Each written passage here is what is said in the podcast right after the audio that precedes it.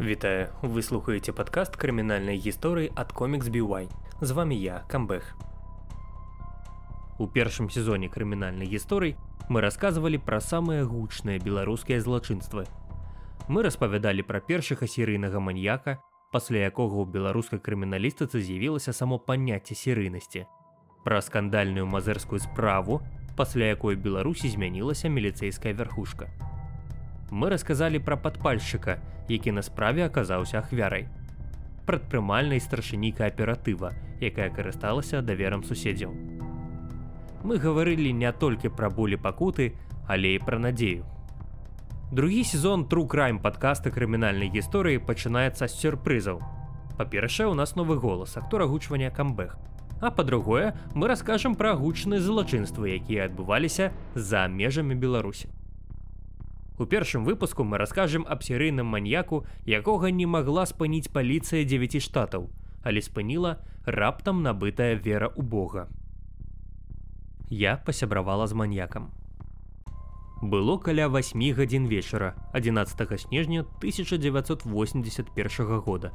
Серыйны забойца Стывен Морен ехаў на пазадарожніку сваёй апошняй палонніцы Марджі Палм на поўнач ад Сан-Антоніо, штат Тэхас.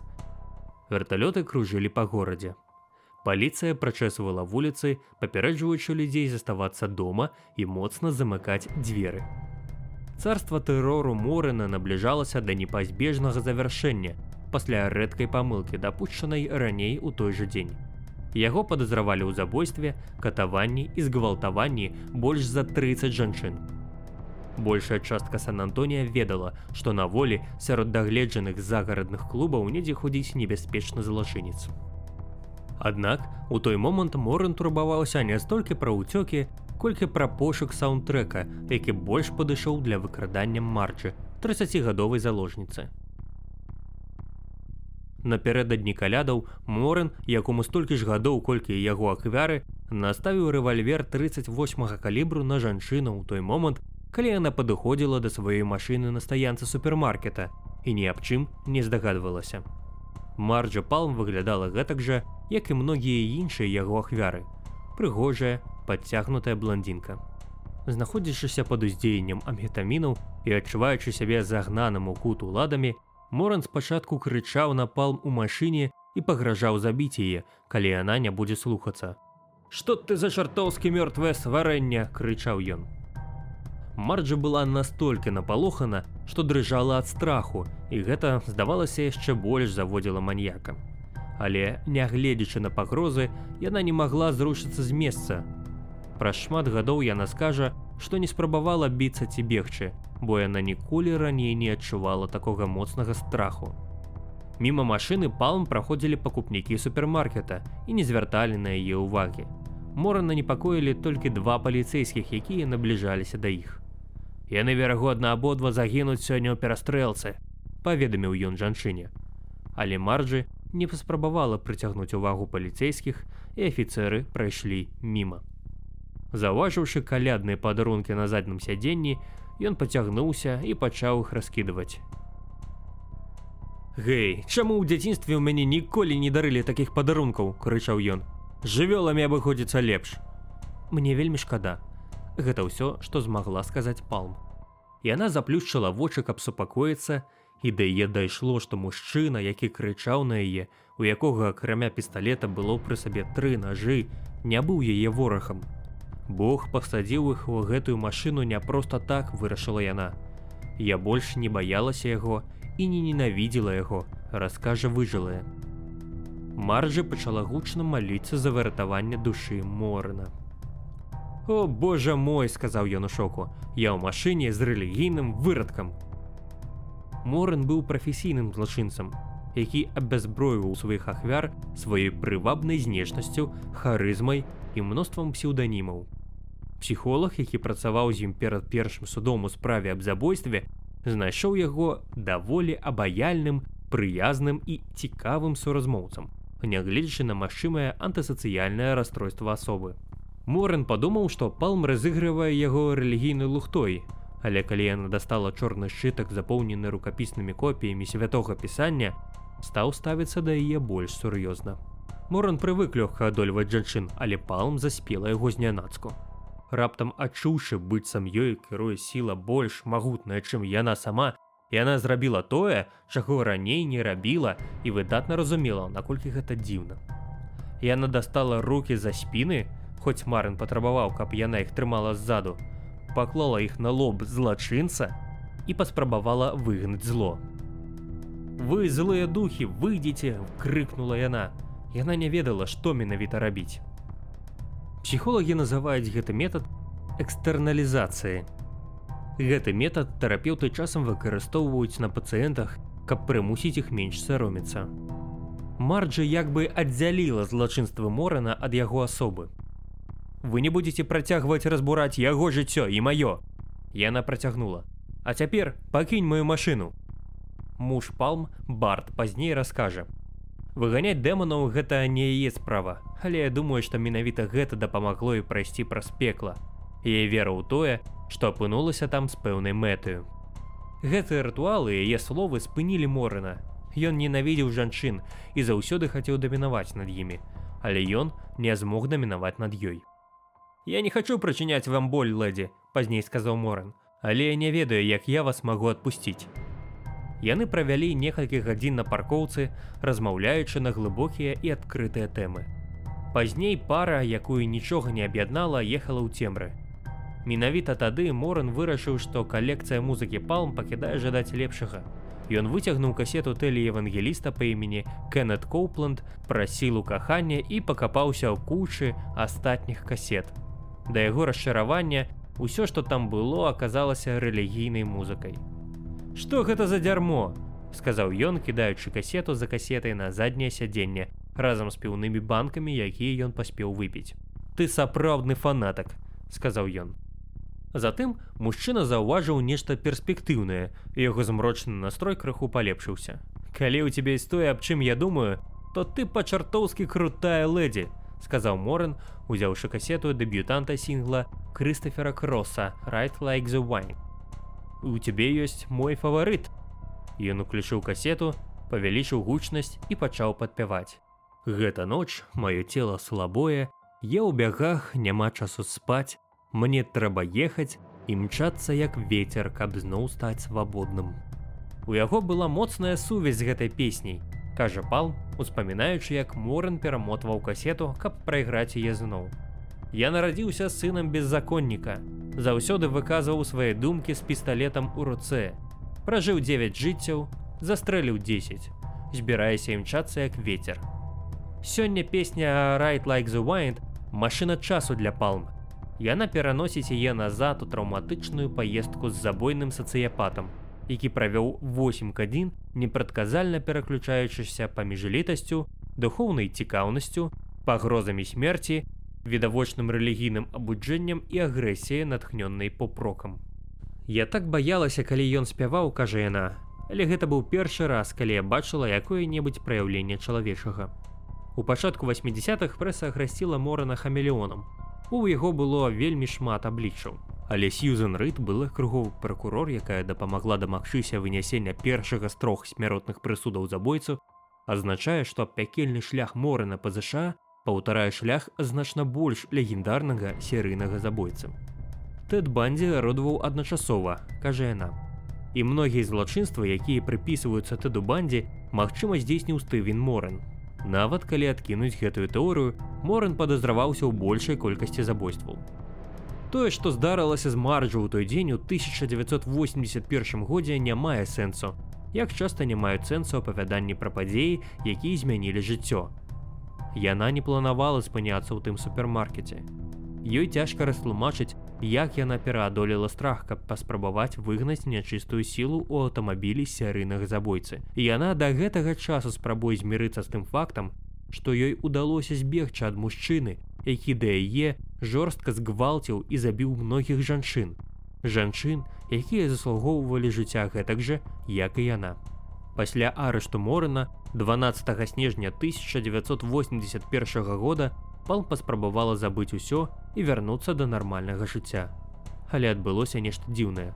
Морын пачаў тэлефанаваць, пісаць і нават дасылаць ёй калядныя паштулкі з турмы. Моры нават спрабаваў сябраваць з мамай сястрой Марджы.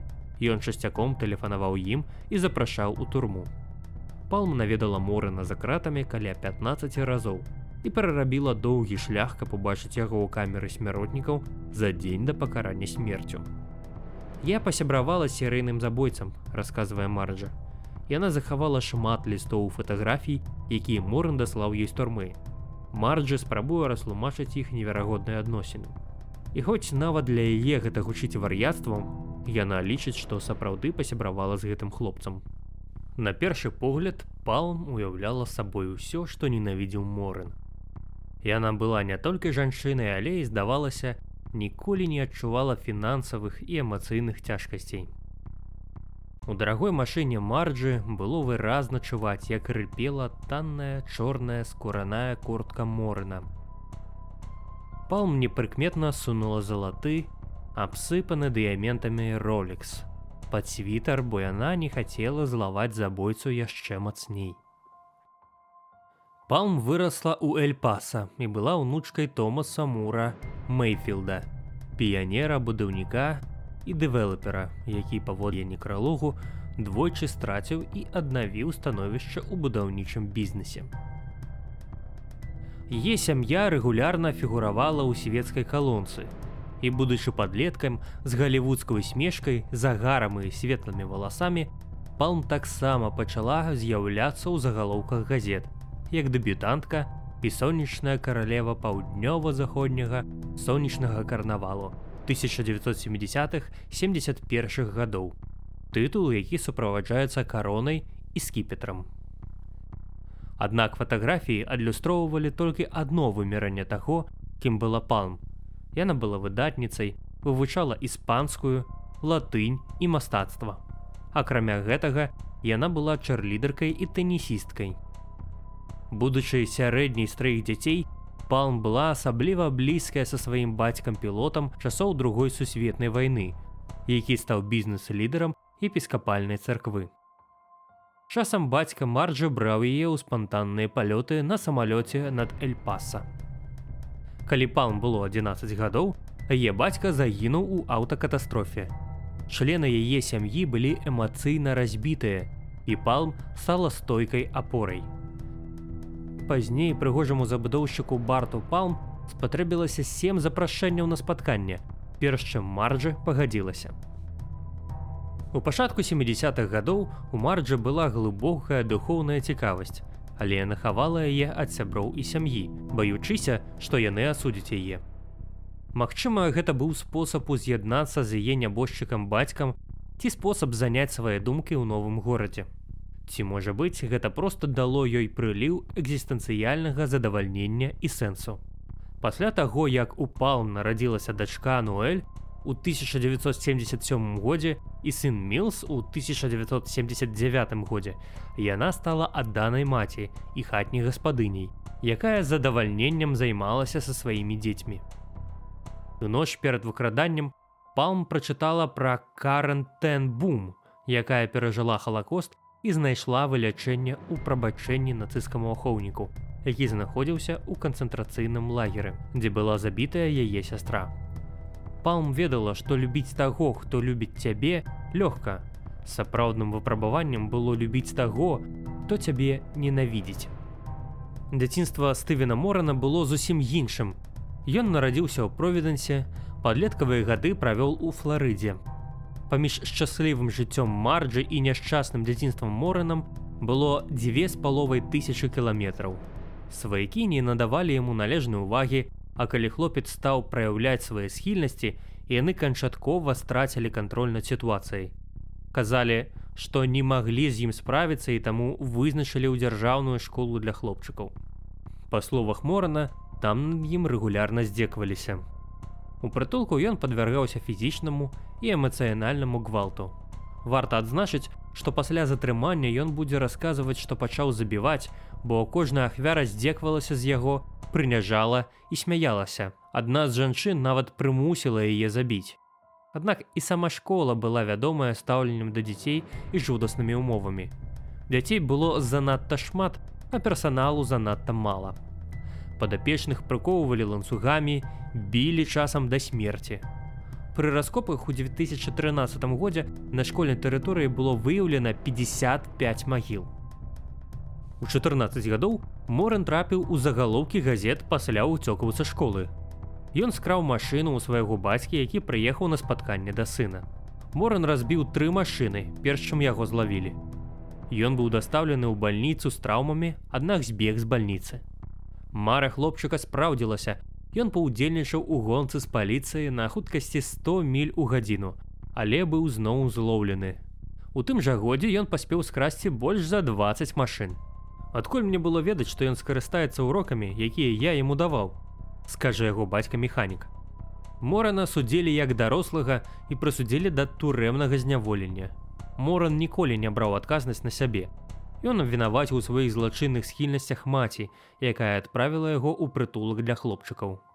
Ён расказваў, што стаў сведкам меркаванага сексуальнага гвалту маці над братам і яе меркаваных сексуальных подзвігаў з сябрам яго ўзросту. А таксама тое, што яго адправілі ў 15гадовым узросце ў труму, дзе, як сцвярджаў Моран, яго згвалтавалі. Будучы падлеткам, Моран аднойчы адправіў сваім бацькам ліст, які чытаўся як крык аб дапамозе. Яго бацькі пазней перадалі ліст рэпарцёру разам з альбомам запісаннямі злачынстваў Морана. Пасля умоўна датэрмінаванага вызвалення Моран стаў яшчэ больш пладавітым злачынцам. Ён пачаў сваю дарогу цемры. Яго правапарушэнні ўключалі захоўванне наркотыкаў, збіццё дзяўчыны, забойства коткі. Ён не проста забіў котку, Для яго гэта было б занадта проста. Ён даставіў цела ў скрынцы ў офіс сваёй дзяўчыны. Кажуць, што ў 1976 годзе пасля жаніцьбы на сваёй першай жонцы Моран здзейсніў злачынства настолькі жудаснае, што яно да гэтага часу не дае спакою адвакату, які працаваў над адным з яго працэсаў. Моран прывабіў 14гадовую сяброўку сваёй сястры ў сваю кватэру, на падставе таго, што яго сястра мела патрэбу ў дапамозе. Апынуўшыся там, Морын заткнуў рот падлетку і падвяргаў яе сексуальным катаванням на працягу 6 гадзін падравучы тэлевізор. Перажываннем было настолькі жахлівым, што праз шмат гадоў выжылая раскажа, што хацела выскачыць у акно другога паверха на сустрэчу да больш гуманнай смерці. Урэшце рэшт, 14гадовы падлетак мякка звярнуўся да Морына, Пасля таго, як Морын выцягнуў кляп з рота ахвяры, дзяўчынка сказала яму: « Табе проста патрэбны хтосьці, хто пра цябе паклапоціцца. Табе проста балюча. Праз шмат гадоў жанчына скажа: « Думаю, менавіта таму ён пакінуў мяне ў жывых, бо я праявіла да яго спачування. Моран дазволіў ёй ісці, але пакінуў сянякі на целе і твары, а таксама траўмы, якія выяўляліся на працягу ўсяго яе жыцця у выглядзе нізкай самаацэнкі і нарказалежнасці. Жанчынам, на якіх Моран пасля напаў, пашанцавала менш. Атрымаўшы ордер на арышту Сан-Францыска, ён адправіўся ў Лас-Вегас. Там ён узяў на сябе новыя псеўданімы. Знайшоў новую працу і жонку і прыступіў да сваёй любімай справы. Забойства. Ён паляваў на прывабных белых жанчын, у асноўным ва ўзросце ад падлеткавага да 20 гадоў. Ён звязваў іх, катаваў і забіваў. Потым краў іх машыны, пасведчанне асобы і розную маёмасць. Да таго часу, калі ўлады знаходзілі тое, што заставалася ад ахвяр, кінутых у пустынях, неглыбокіх магіл і матэлях, Моран ужо ганяўся за новай жанчынай у новым месцы, выкарыстоўваючы новы псеўданім. Кажуць, што нават калі Морын і яго другая жонка святкавалі нараджэнне сына, ён выкраў 18гадовую Сьюзен Белот і 19гадовую Шэрыл Дэніел, і абедзве з якіх былі знойдзеныя мёртвымі ў нетрах штата Юта. Белот знікла ў той жа дзень, калі ў жонкі Морана пачаліся схваткі. Пра фанабэрыстасць Морана кажа той факт, што пасля забойства Дэніел ён прадстаўляе яе сяброўцы Сары Пізен, цяпер Дэвіс, пад іншым імем. Моран так пераканаўча змяніў сваю знешнасць, што Дэвіс паняцця не мела, што яна ўжо сустракалася з ім. Па словах Дэвіс, за некалькі месяцаў да таго, як улады знайшлі цела Дэніел, Моран неаднаразова запрашаў яе на спатканне, праследаваў яе і кругласутачна пакідаў ёй трывожныя паведамленні, уключаючы жахлівыя пагрозы і відавочныя гукі катавання людзей. Па гэты дзень Дэвіс кажа: « Я ніколі не застануся без зброі. Побач са мной цяпер ляжыць 45 калібр, яшчэ адзін пісталлет у машыне і вінтоўка каля ложка. Калі ён не нападаў і не забіваў жанчын, то ён вербаваў іх для іншых эгоістычных мэтаў. Як жанчыну з бафала, якую ён пераканаў, ведаючы яе ўсяго два месяцы, прадаць яе маёмасць, купіць фургон і далучыцца да яго ў падарожжы. Сын жанчыны пазней напісаў эсэ, у якім успамінаў, як перад паездкай ён дапамагаў морану прыбіць дыван да столі і сцен фургона. Праз гады ён з жахам зразумеў, што дапамог серыйнаму забойцу гукаэлізаваць яго аўтамабіль. Падчас педстопа ў 1981 годзе ў Дэнверы Морын пад псеўданімам Рыч Кларк схапіў 23гадовую былую настаўніцу Шэйлу Уэйлен, задушыў яе да смерці, зарэгістраваўся ў матэлі, уключыў тэлевізор і паклаў яе аголенае цело на ложак. Перш чым выграсці Уэйлен, Морын запрасіў іншую жанчыну на спатканне, на якім яны ўдваіх гулялі ў відэагульні. Раніцай 11 снежня 1981 года у той жа дзень, калі ён выкраў палм, Морын памыліўся. Накіроўваючы пісталлет на 21гадовую кэры Мары Скотт, на стаянцы закусачны ў Сан-Антонія раптам з'явілася сяброўка дзяўчыны. Морын стрэлю ў дзяўчат. Адна з іх не выжала. Мінак запісаў нумарны знак Морана. І праз некалькі гадзін паліцыя высачыла яго да заняпалага матэля калі Моран выйшаў са свайго пакоя, дзе ён трымаў у заложніках жанчыну па імені Памела Джексон, каб узяць колу з гандлёвага аўтамата, ён заўважыў на паркоўцы паліцыю. Ён вярнуўся ў свой пакой, вылез у малюсенькае акно ваннай і ўцёк да таго, як матэль быў наводнены камандай спецназа. Хоць яны і не заўважылі Морана, паліцыя змагла вызваліць заложніцу. Дзіўна, але раней Морану ўдавалася выслізваць ад уладаў яшчэ больш вузкім шляхам. Раней у тым жа горадзе ён быў двойчы арыштаваны і змешчаны пад варту паліцыі пад выдуменымі імёнамі. У плезентоне Моран унёс заклад і знік перш, чым улады змаглі ўсталяваць яго сапраўдную асобу. У бафала ў яго знялі адбіткі пальцаў і ён правёў ночу камеры. Але, паколькі пад псеўданімам, які ён выкарыстоўваў, быў зарэгістраваны толькі адзін нязначны арышт, улады не спяшаліся з аналізам адбіткаў пальцаў і выпусцілі морана з указаннем даты суда да атрымання вынікаў. Яны трымалі яго пад вартай і адпусцілі, кажа рыд. Былы акруговы пракурор акругі бексар. Яны маглі б выратаваць некалькі маладых нявінных жанчын, але гэтага не адбылося. Праз некалькі гадзін пасля таго, як палм выкрылі, яна нарэшце даведалася навіны. Морын заехаў у краму загадаў ей зайсці ўнутр і прынесці яму газету, цыгареты і піва. Палма ўвайшла ў пустую краму з флуоресцэнтным асвятленнем. Яна дастала з халадзільніка піва і пачак цыгарет. Потым знайшла газету навіны Сан-Антоніо. Загаловак на першай паласе ясна даў зразумець, што яе выкрадальнік быў значна больш небяспечным, чым яна думала. Абвінавачаны ў 30 забойствах. Я спалохалася, калі ўбачыла загаловак, сказала ў інтэрв'ю пал. Яна адклала тавары і задумалася, ці варта ёй папярэдзіць касіра. Я была там адна з гэтай дзяўчынай і не здала яго.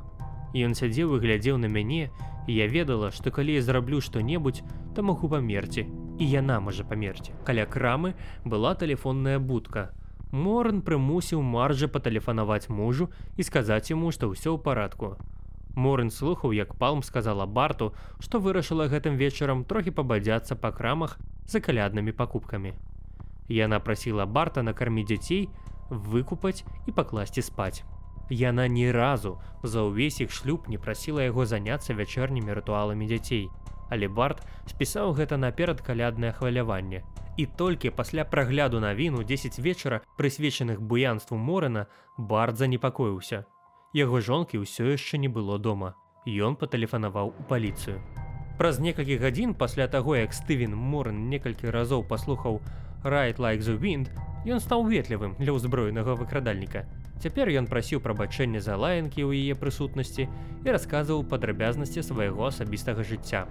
Ён сказаў палм, што ненавідзець сябе і што ён махляр, што ён быў жанаты, у яго ёсць сын, якога ён любіць, але кінуў, Да гэтага Морэн больш за ўсё праецыраваў эмоцыю нянавісці, нянавісці да сябе і іншых настолькі глыбока, як сцвярджаў Моран, што ніякі Бог ніколі не мог пазбавіць яго ад яе.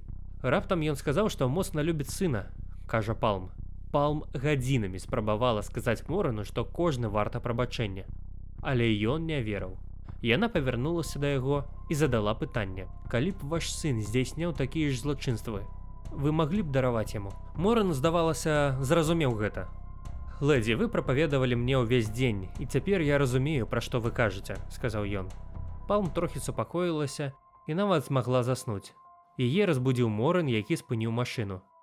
Ён ускінуў руки ўверх і сказаў: « Даруй Божа за ўсё, што я зрабіў, калі ласка, прабач мне. Я хачу трапіць у рай. Пасля гэтага ён адкрыў свой рэвальвер, высыпаў патрону ў сумачку палм і сказаў ёй: « Я ніколі больш не буду забіваць. Для яснасці, гэта былі не адзіныя яго кулі. Калі праз некалькі гадзін паліцыя арыштавала яго, У кішэні было яшчэ 11 запасных, а таксама пакет з наркотыкамі і заспакойлівымі. На працягу дня пан казала пра свае рэлігійныя перакананні, якія яна трымала ў сакрэце ад сяброў. Як не дзіўна я выявіла, што кажу яму, гэтаму хлопцу, які мяне выкрыў і ад якога я пакуль не магу сысці, рэчы, якія я ніколі нікому не казала, кажа яна. Калі б я сказала гэта людзям, якіх ведала, яны падумалі, што я вар'ятка, Было сапраўды дзіўна знаходзіцца ў гэтай машыне і адчувала да яго спачування, нягледзячы на тое, што ён выкрыў мяне. Палма расказала Морану, што служыцелі прапаведавалі Божую любоў зняволеным, якія рабілі тое ж самае, што і ён, і дапамагалі ім вызваліцца ад нянавісці. Яна таксама распавяла Морану пра Коупланда, тэлеевангеліста, які жыў у форт-ворце. Моран вырашыў паехаць туды і шырокім жэстам пакласці пісталлет на стол прапаведніка Коупланда. Палм паняцця не мела, што ў Кервіле, маленькім мястэчку ў 65 мілях на поўнач ад Сан-Антонія ёсць аўтавакзал. Гэта было задоўга да з'яўлення інтэрнэту. Але кажа, што інстынкт прывёў яе туды. Яна расказала пра свой план Морану і пасля таго, як ён папрасіў яе грошай, зняла для яго ў банкамаце 300 даляраў. Яны паехалі на поўнач, абмінуўшы рэстаран. Пры іншых абставінах, сказаў ёй Моран, ён запрасіў бы яе туды на спатканне. На вакзале яны выявілі, што Морын можа дабрацца да форт Уэрта на бліжэйшым аўтобусе з прыпынкам у Осціне. Палм купіла Морану білет. Ты не хочаш пайсці са мной? спытаў ён. У мяне дома двое дзяцей, нагадала яна яму. Табе трэба сесці ў гэты аўтобус. Бог з табой. Спытаўшы дазволу, Моран абняў палм і пацалаваў яе ў шчаку. Яна дала яму шытак са святым пісаннем і загадала выкарыстоўваць іх замест зброю. Ён палез у кішэню, дастаў завышніцу з крыжам і зялёным каменем і працягнуў ёй. Калі Морын адправіўся, палм села на кіроўчае сядзенне сабурбана і тут жа зачыніла дзверы. Калі аўтобус крануўся, Моран памахаў рукой з акна з шырокай усмешкай, як дзіця, якое накіроўвалася ў летні лагер. Калі палм выехала са стаянкі, яна расплакалася, Пазней, паводле яе слоў, паліцыя паведаміла ёй, што Морын дарыў падобныя завушніцы жанчынам, якіх ён забіваў. Па дарозе дадому палм адчувала жах і палёгку. Але як не дзіўна, яна таксама адчувала некаторую надзею.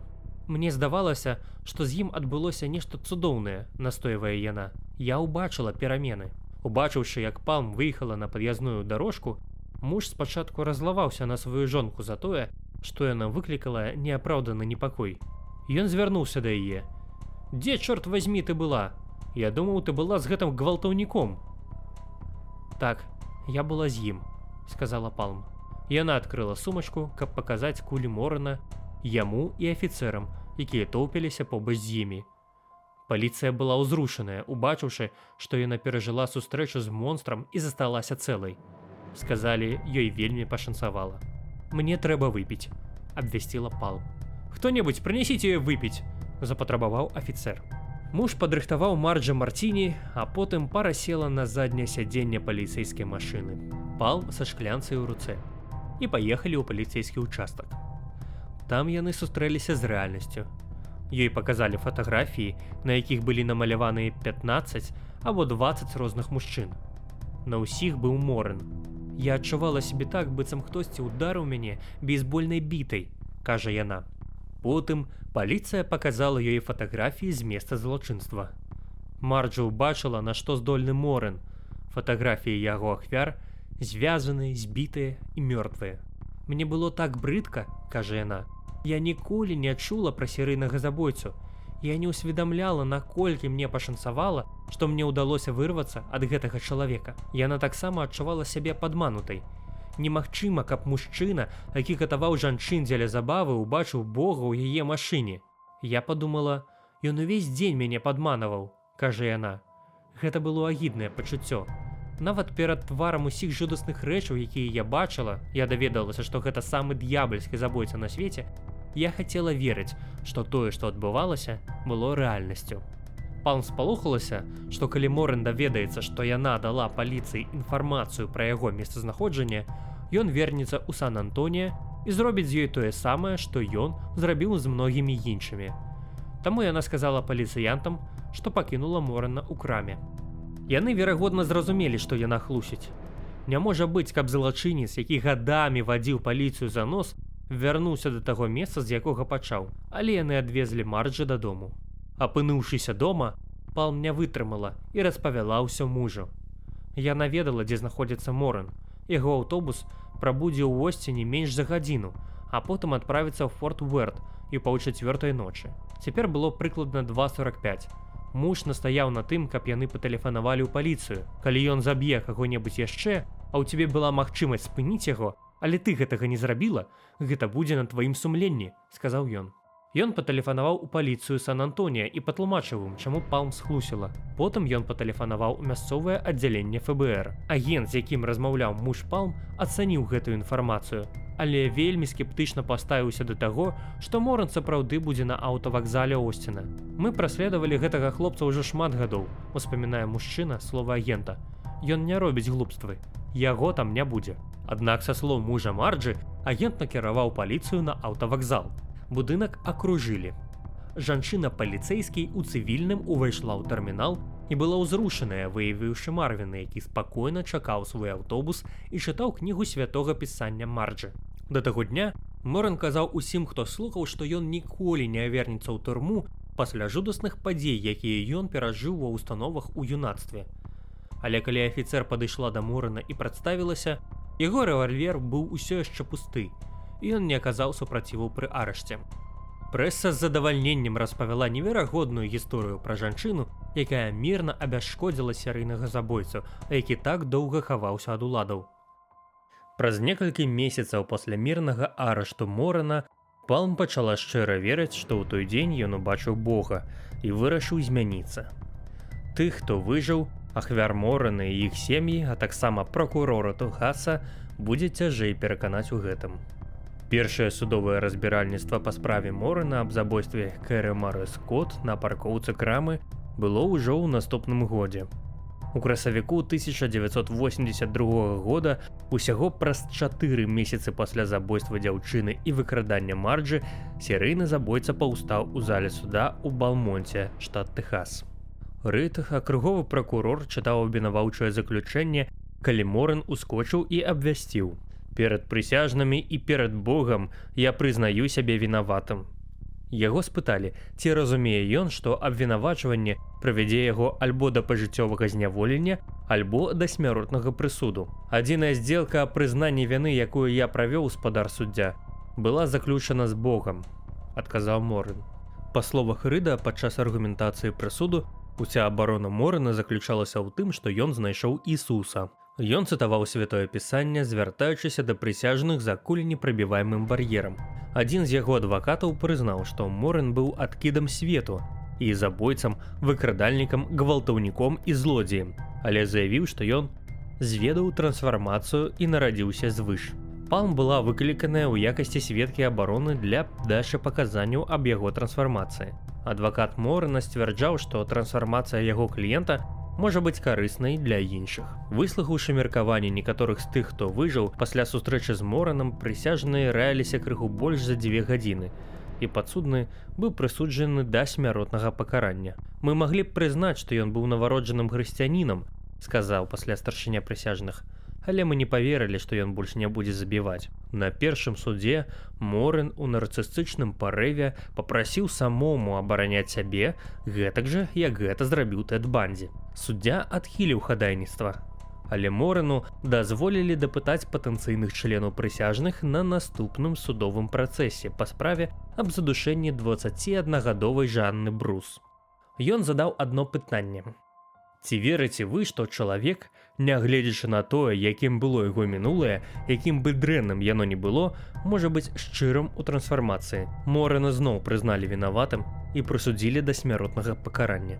У красавіку 1982 года менш чым праз два тыдні пасля таго, як Морана прысудзілі да смяротнага пакарання, ён напісаў суддзі па першай справе аб забойстве і папрасіў прызначыць дату пакарання.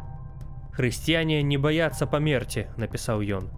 Я быў гатовы ты сустрэчацца сваім стваральнікам з таго моманту, як мне пашчасціла сустрэцца з місіс Палм. У 1984 годзе Морн быў экстрадаваны ў штат Каларада, дзе ён паўстаў перад судом за забойства Шейлы Уілен у 1981 годзе. Хоць Морану ўжо пагражалі два смяротныя прысуды, былы намеснік акруговага пракурора Кэры Уінкельбах, казала, што Морын уяўляў сабой настолькі відавочную пагрозу як рэцідзівіст забойца гвалтаўнік, што штат Каларада вырашыў прыцягнуць яго да адказнасці ў выпадку, калі яго прысуду ў Тэхасе будуць адмененыя. Справы аб смяротным пакаранні гэта вялікая праца, шмат эмоцый і вялікія выдаткі, кажа пракурор. Але мы былі ўпэўненыя, што зрабілі правільна. Мы былі ўпэўненыя, што ён зноў збіраецца забіваць. Яна адзначае, што падчас судовых працэсаў над моранам адзін суддзя настолькі насцярожана ставіўся да абвінавачаных, што трымаў на сваёй лаве зараджаны магнум 357 калібра. Нягледзячы на тое, што Моран неаднаразова казаў пра свае выратаванне, намеснік шэрыфа выявіў, што ў яго была пара абутку, у якой было схавана 50 долараў. Лязо для брытвы, спіс імёнаў і адрасоў, а таксама правы кіроўцы Тэхаса. Моран сцвярджаў, што гэтыя прадметы патрэбныя яму для абароны. У сваіх лістах марджы пасля выяўлення кантрабанды Моран туманна згадаў пра заняпад вера, які адбыўся, калі ён быў у каларада. Ункельбах кажа, што яна і іншыя спрабавалі весці перамовы з моранам падчас вынясення прысуду ў каларада у надзеі усталяваць яго дачыненне да дзясяткаў іншых забойстваў. Нягледзячы на яго заявы, што ён богабаязны чалавек, ён адмовіўся супрацоўнічаць з пракуратурай. Ён не змог бы нічога атрымаць ад гэтых перамоў. Яму ўжо вынеслі два смяротныя прысуды. Мы сапраўды хацелі растлумачыць гэтая справа, кажа Вінкальбах, але так не змаглі звязаць іх з ім, бо ён адмаўляўся размаўляць. На пасяджэнні суда ў Каларада Морэн зноў быў прызнаны вінаватым і прысуджаны да трэцяга смяротнага прысуду. Да таго часу пан была адной з галоўных крыніц выратавання Морана за межамі турмы. Ён тэлефанаваў ёй адзін ці два разы на тыдзень. Моран спрабаваў пагаварыць з мужам марджы, як з даўно страшаным прыяцелем. Як справы, як жыццё. Але адказ мужа заўсёды быў той жа. Я ў парадку стывен, вось марджы. Палм і Моран размаўлялі пра жыццё арыштанта. Але іх размовы былі ў асноўным духоўнымі. Аднойчы ён спытаў яе: « Думаеш, я памру? Спадзяюся, ты не памрэш, сказала яна яму. Я спадзяюся, што ты выжывеш і зможаш дапамагаць іншым людзям так, як Бог дапамог табе. Але калі ты памрэш, я веру, што ты будзеш з Господам. Нягледзячы на веру ў тое, што мораным можна дараваць, палм ніколі не думала, што ён заслугоўвае чагосьці меншага, чым пажыццёвае зняволенне. Гэта як дзікая жывёла, кажа яна. Паспрабуйце прыручыць дзікую жывёлу і нейкі час яна будзе мілай. Потым яна адкусіць табе галаву. Ён так доўга жыў у гэтым цёмным месцы, Я думаю, што думкі, з якімі ён жыў столькі гадоў вернуцца. Лісты, якія Морэн пісаў палм, уяўляюць сабой дзікі поток свядомасці, які складаецца з памылак і супярэчлівых пачуццяў жорсткага сацыяпата, які настойваў на тым, што ён выправіўся. Як не дзіўна, ён, здавалася, адчуваў сябе больш вінаватым за разбурэнне жыцця мужа палм, чым за жанчын, якіх ён забіў. У адным з першых лістоў Моран напісаў: « Калі твой муж не занадта добры да мяне, я змагу зразумець. Любому мужчыну было б цяжка дапусціць увараванне ў прыватнае жыццё яго сям'і. Неверагодна, але Моран, здавалася, лічыў сябе пагрозай для шлюбу палм. Аднойчы ён напісаў мужу марч. Я шчыра спадзяюся і малюся, што я не ўстаў паміж табой і марджы. Я ніколі гэтага не зраблю. Мая сустрэча з тваёй жонкай ніяк не паўплывае на ваш шлюб.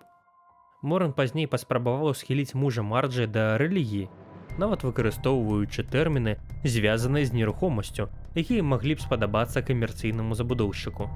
Чаму б не ўкласці сваё жыццё і сэрца ў мост вечнага жыцця?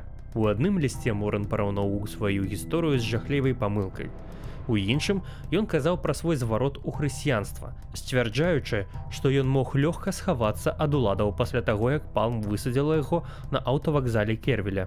Замест гэтага я прасядзеў на аўтобусным прыпынку больш за тры гадзіны з поўнай кішэняй куль і пустым пісталетам, чакаючы таго лёсу, які наш Господь падрыхтаваў для мяне, напісаў ён. Я сядзеў і чытаў пісанні марджы з невымоўнай цеплынёй але кожны раз калі моран набліжаўся да адказнасці ён адхіляўся. У тым жа лісце ён кажа акрамя таго для даведкі я не здзейсню і чвэрці злачынстваў у якіх мяне абвінавачваюць у 1984 годзе моран паспрабаваў прасунуць ідэю прадаць кнігу і правы на экранізацыю гісторыі свайго жыцця. Ён фантазіраваў што праект будзе заснаваны не на яго злачынствах а на тым, што спрыяе невінаватаму дзіцяці перайсці ад бацькоў у школы і гэтак далей у камеру смяротнікаў. Ён зайшоў так далёка, што падзяліў гіпатэтычны прыбытак, вылучыўшы 20соткаў сабе, 10соткаў прапаведніку Кеннету Коупланду і 5соткаў у траставы фонд яго сына на адукацыю. Ён заявіў: « Я не хачу нічога, акрамя магчымасці ператварыць трагічны фінал у нешта добрае. Морэн часта сцвярджаў, што ў яго няма ніякіх сумневаў з нагоды пакарання смерцю. І вось 13 сакавіка 1985 года надышоў той дзень. На шляху ў камеру смяротнікаў 34гадовы мужчына з жартам спытаў, ці не хоча хто-небудзь замест гэтага пайсці на рыбалку. Апынуўшыся ўнутры ён быў прывязаны да каталкі і захоўваў спакой пакуль тэхнікі на працягу як мінімум 40 хвілін прабавалі ўвесці іголку ў адно з яго вен, пашкоджаных за ўжыванне наркотыкаў. Апошнімі словамі Морана былі: Господь Ісус, я аддаю табе сваю душу. Я ўсхваляю цябе і дзякую табе. Большасць людзей аспрэчваюць ідэю, што Моран насамрэч перарадзіўся. Мой дзядуля быў святаром і я вераў Бога так быццам няма іншага шляху. Кажа Сара Дэвіс, жанчына, якую Моран праследаваў і тэрарызаваў у 1980 годзе. Але я не ведаю, ці можа было б калі-небудзь выратаваць гэтага чалавека. Жанчына, якую Моран згвалціў і катаваў, калі ёй было 14, таксама не веруць у гэта. Яна думае, што хрысціянін Моран быў проста яшчэ адным псеўданімам, які Моран выкарыстаў. Ён проста шукаў падставу, каб пазбегнуць смяротнага пакарання, кажа яна.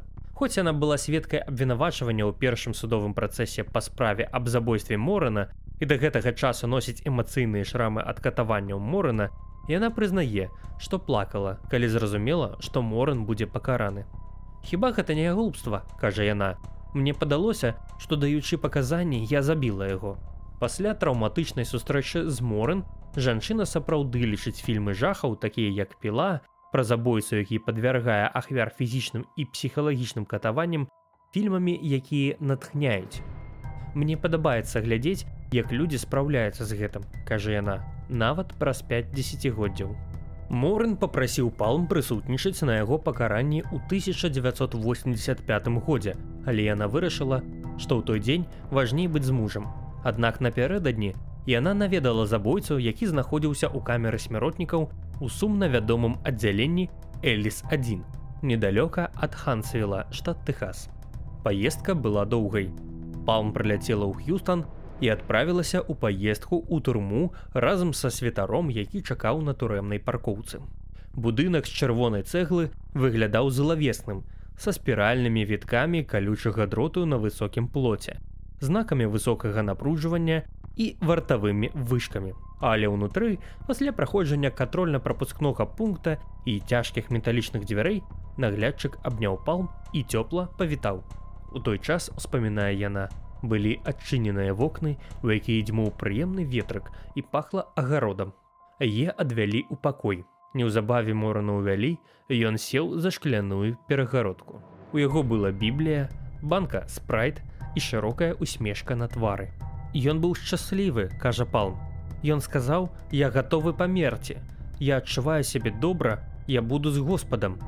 Цяжка паверыць, што Морын сапраўды мог быць шчаслівы за некалькі гадзін да пакарання смерцю. Але ў марджы захаваліся здымкі, якія наглядчык зрабіў той дзень. Морын хмыліцца, як старшакласнік у апошні дзень заняткаў у школе. Падчас гэтага апошняга візіту Палм паказала былому выкрадальніку фатаграфіі сваіх маленькіх дзяцей. Настрой стаў сур'ёзным, калі яны звярнуліся да бібліі.